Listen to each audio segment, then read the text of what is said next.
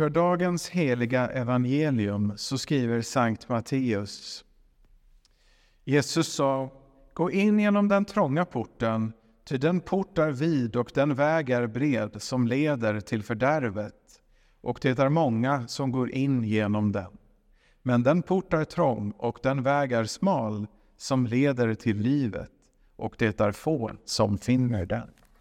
Så lyder det heliga evangeliet. Lovad vare du, Kristus.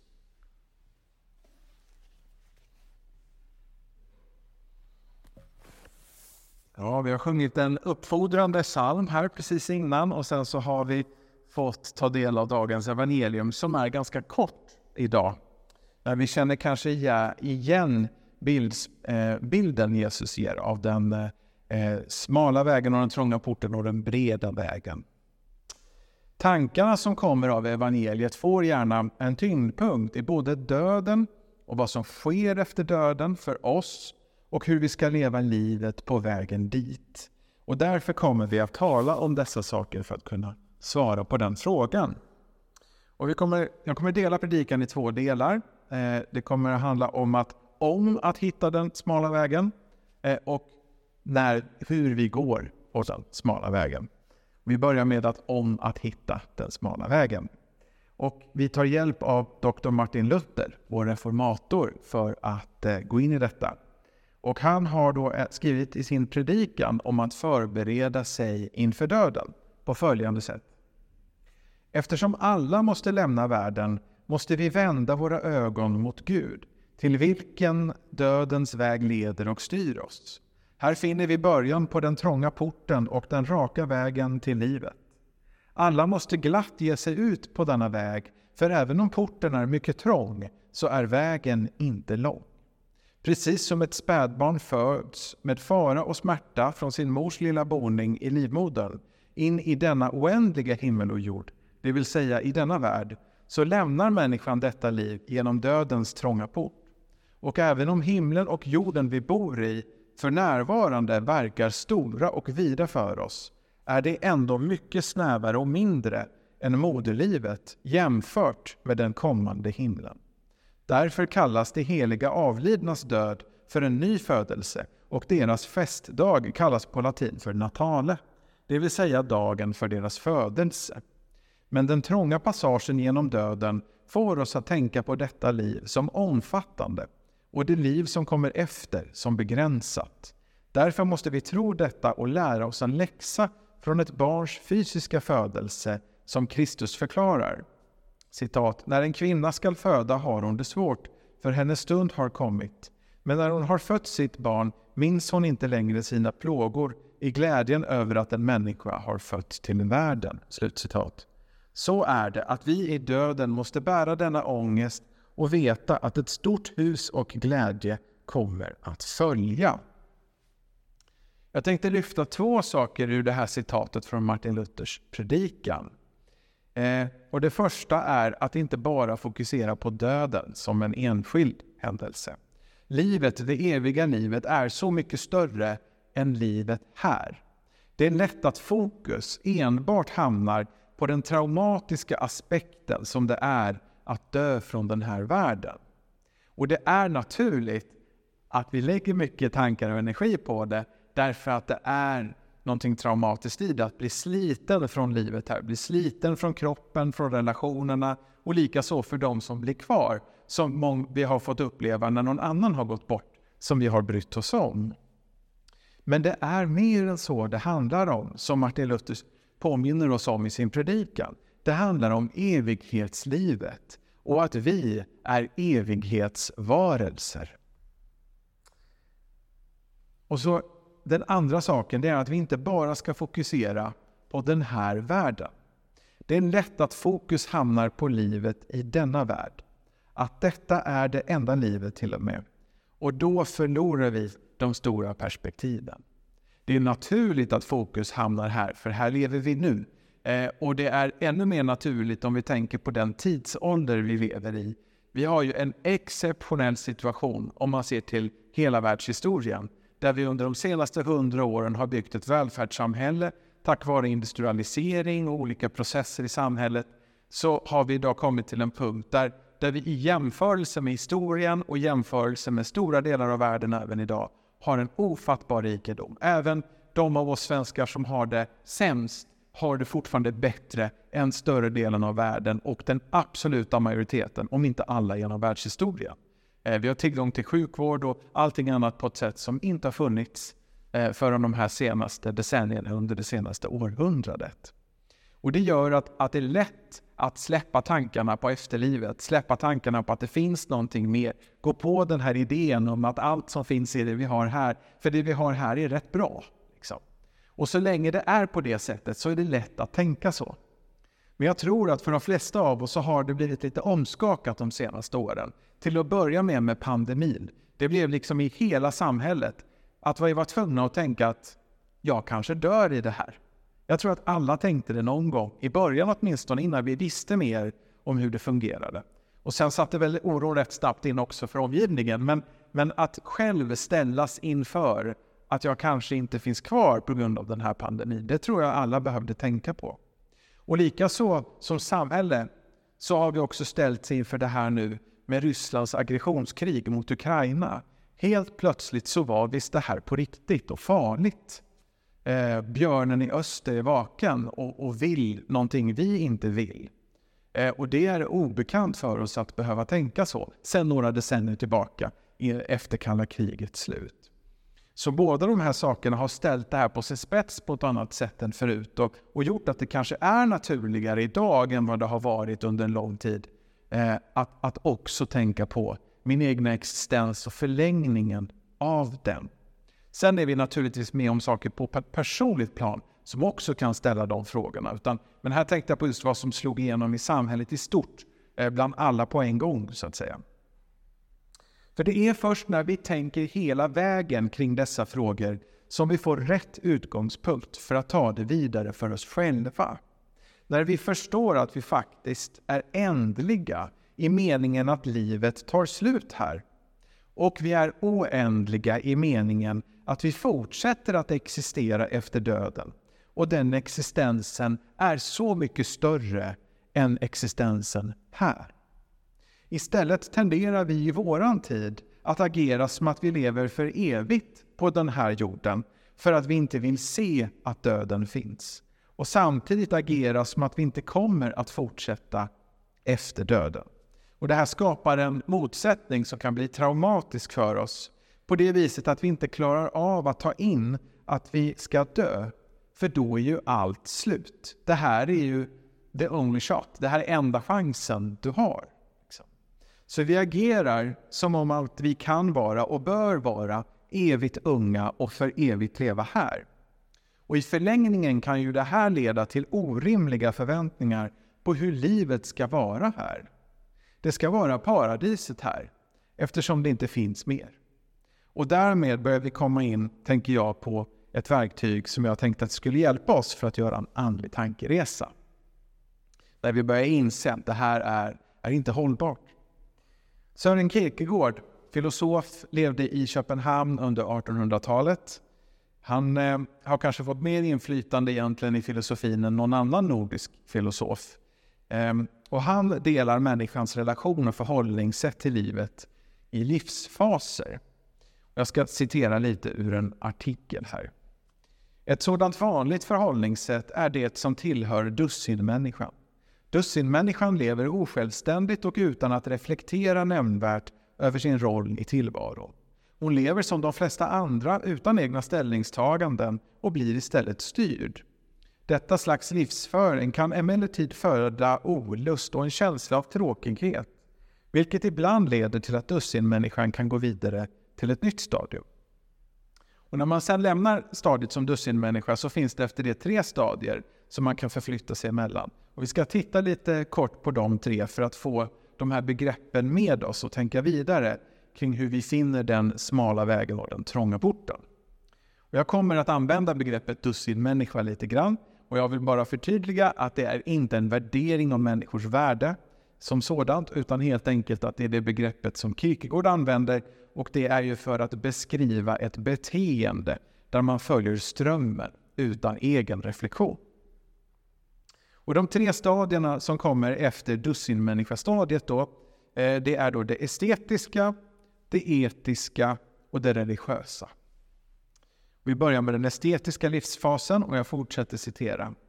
Den estetiska livsfasen innefattar njutningar, äventyr och andra sensationer som får människan att leva i nuet. Specifika roller kan vara förföraren, Mozarts Don Juan nämns som exempel, eller konstnären. Fast ur detta febrila liv av starka utlevelser uppstår en baksmälla som orsakar ångest och förtvivlan. Ur detta tillstånd kan ett utvecklingsskede uppstå som leder till den etiska livsfasen. Och vi ser många exempel på den estetiska livsfasen i vår kultur. Det är bara att gå in på Instagram till exempel, eller ja, det går ju annars i samhället också förstås att titta.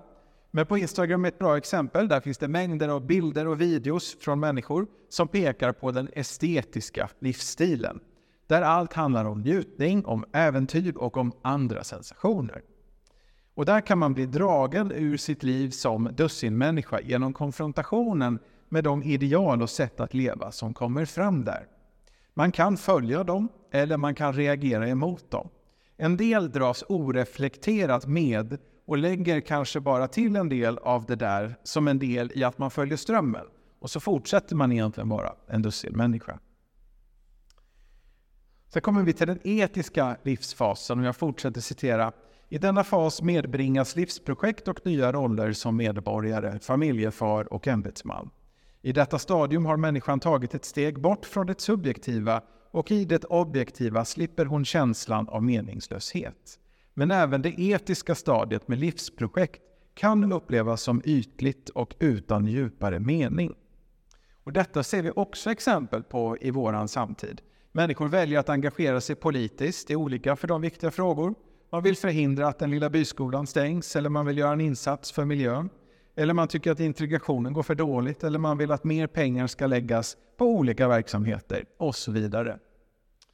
Likaså engagerar vi oss i relationerna hemma och till varandra och kanske måste familjen eller partnern bära tyngden av att också vara meningen med ditt liv.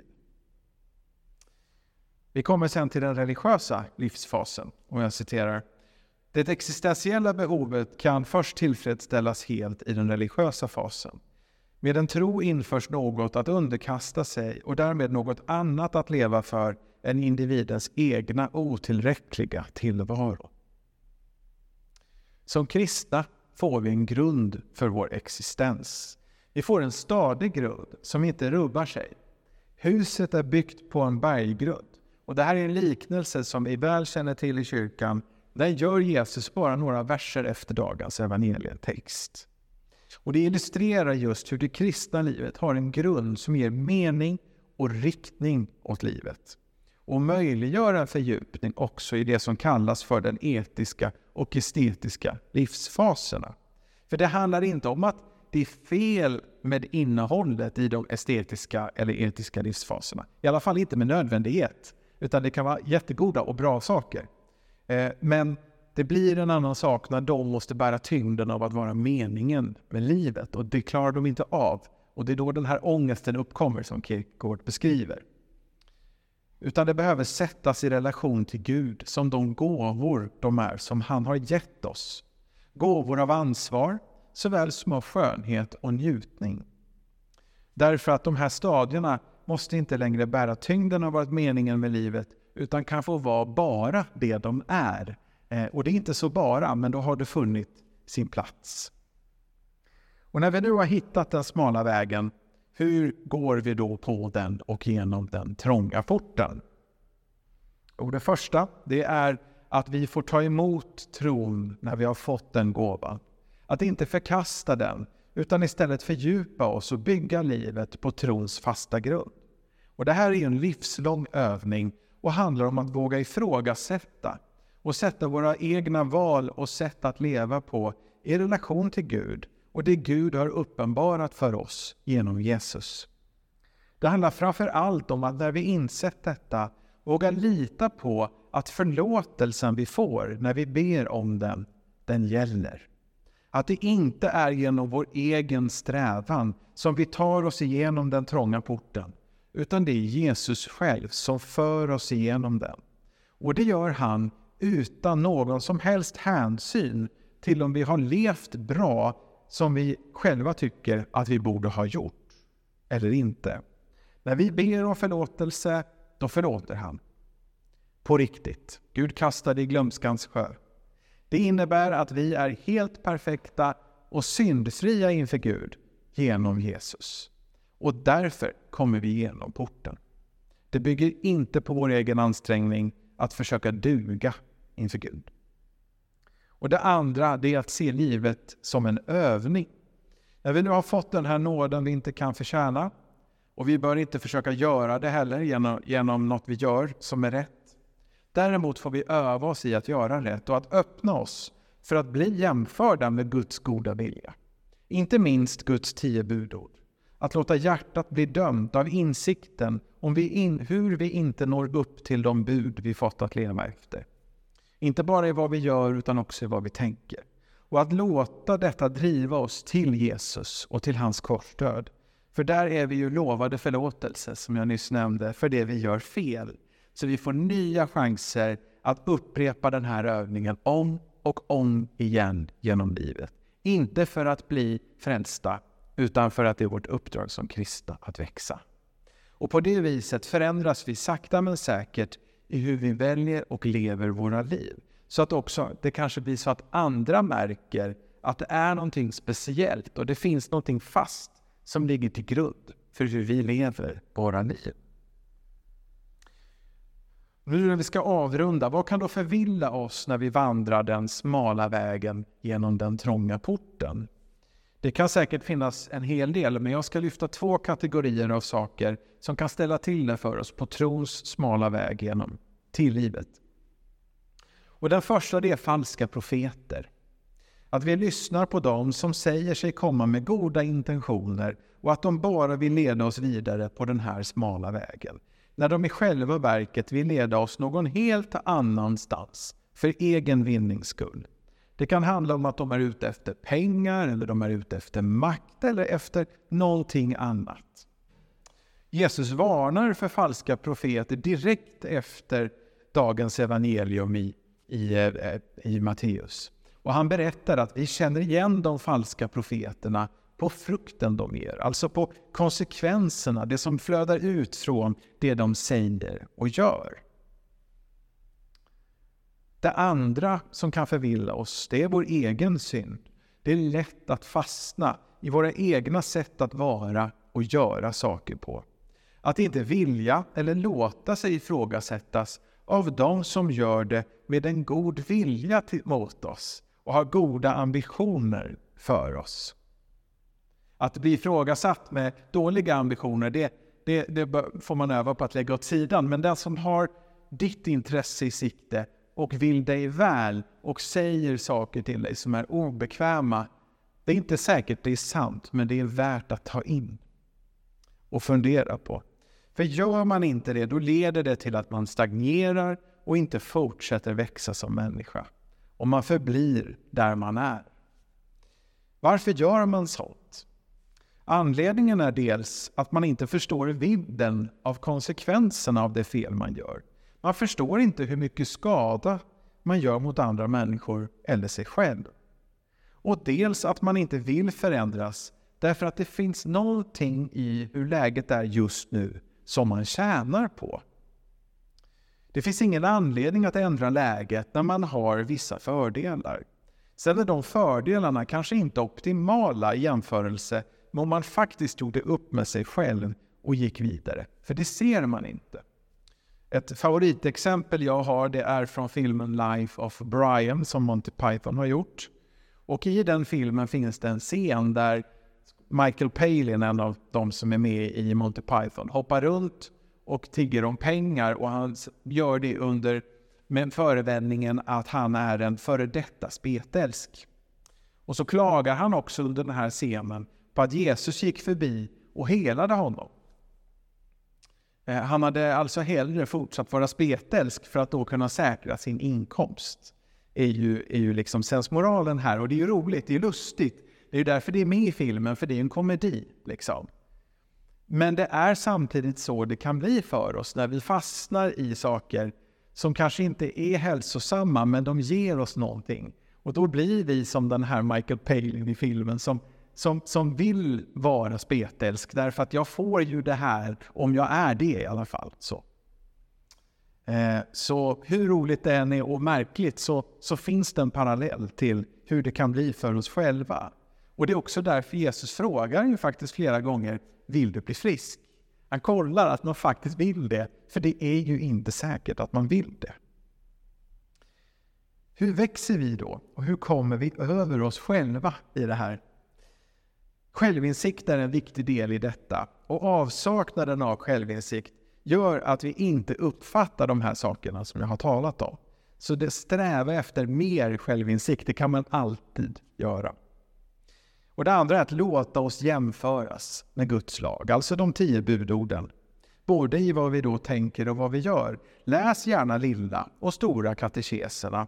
Läs deras utläggningar om de tio budorden. Kanske inte i ett svep. Nu är lilla katekesen mycket kortfattad. Eh, men läs ändå inte den heller i ett svep om du gör det. Eh, utan stanna upp, ge lite tid för vart och ett av utläggningarna att landa. Det här kallas för biktspegel. Att man låter sig speglas och då kanske få syn på sånt som man inte har sett förut och som man då får be om förlåtelse för. Och slutligen då, när man vill bli bättre på någonting så brukar det hjälpa att ta hjälp av andra. Det gäller inte bara i idrott eller andra intressen utan också i hur vi lever våra egna liv. Och där kanske vi har några nära förtrogna som vi kan öppna oss för och dela mycket med kring våra tankar och värderingar. Men jag vill också slå ett slag för att gå till en andlig coach, alltså en själavårdare, för att också kunna fortsätta växa på det viset i självinsikt och kanske lyfta frågor och tankar som ligger djupt och som man annars aldrig luftar. För då kan man få syn på sånt som man inte har sett förut och man kan få hjälp att vrida och vända på det man står inför. Så, för att avsluta predikan så vill jag ställa en fråga vad blir ditt bästa steg?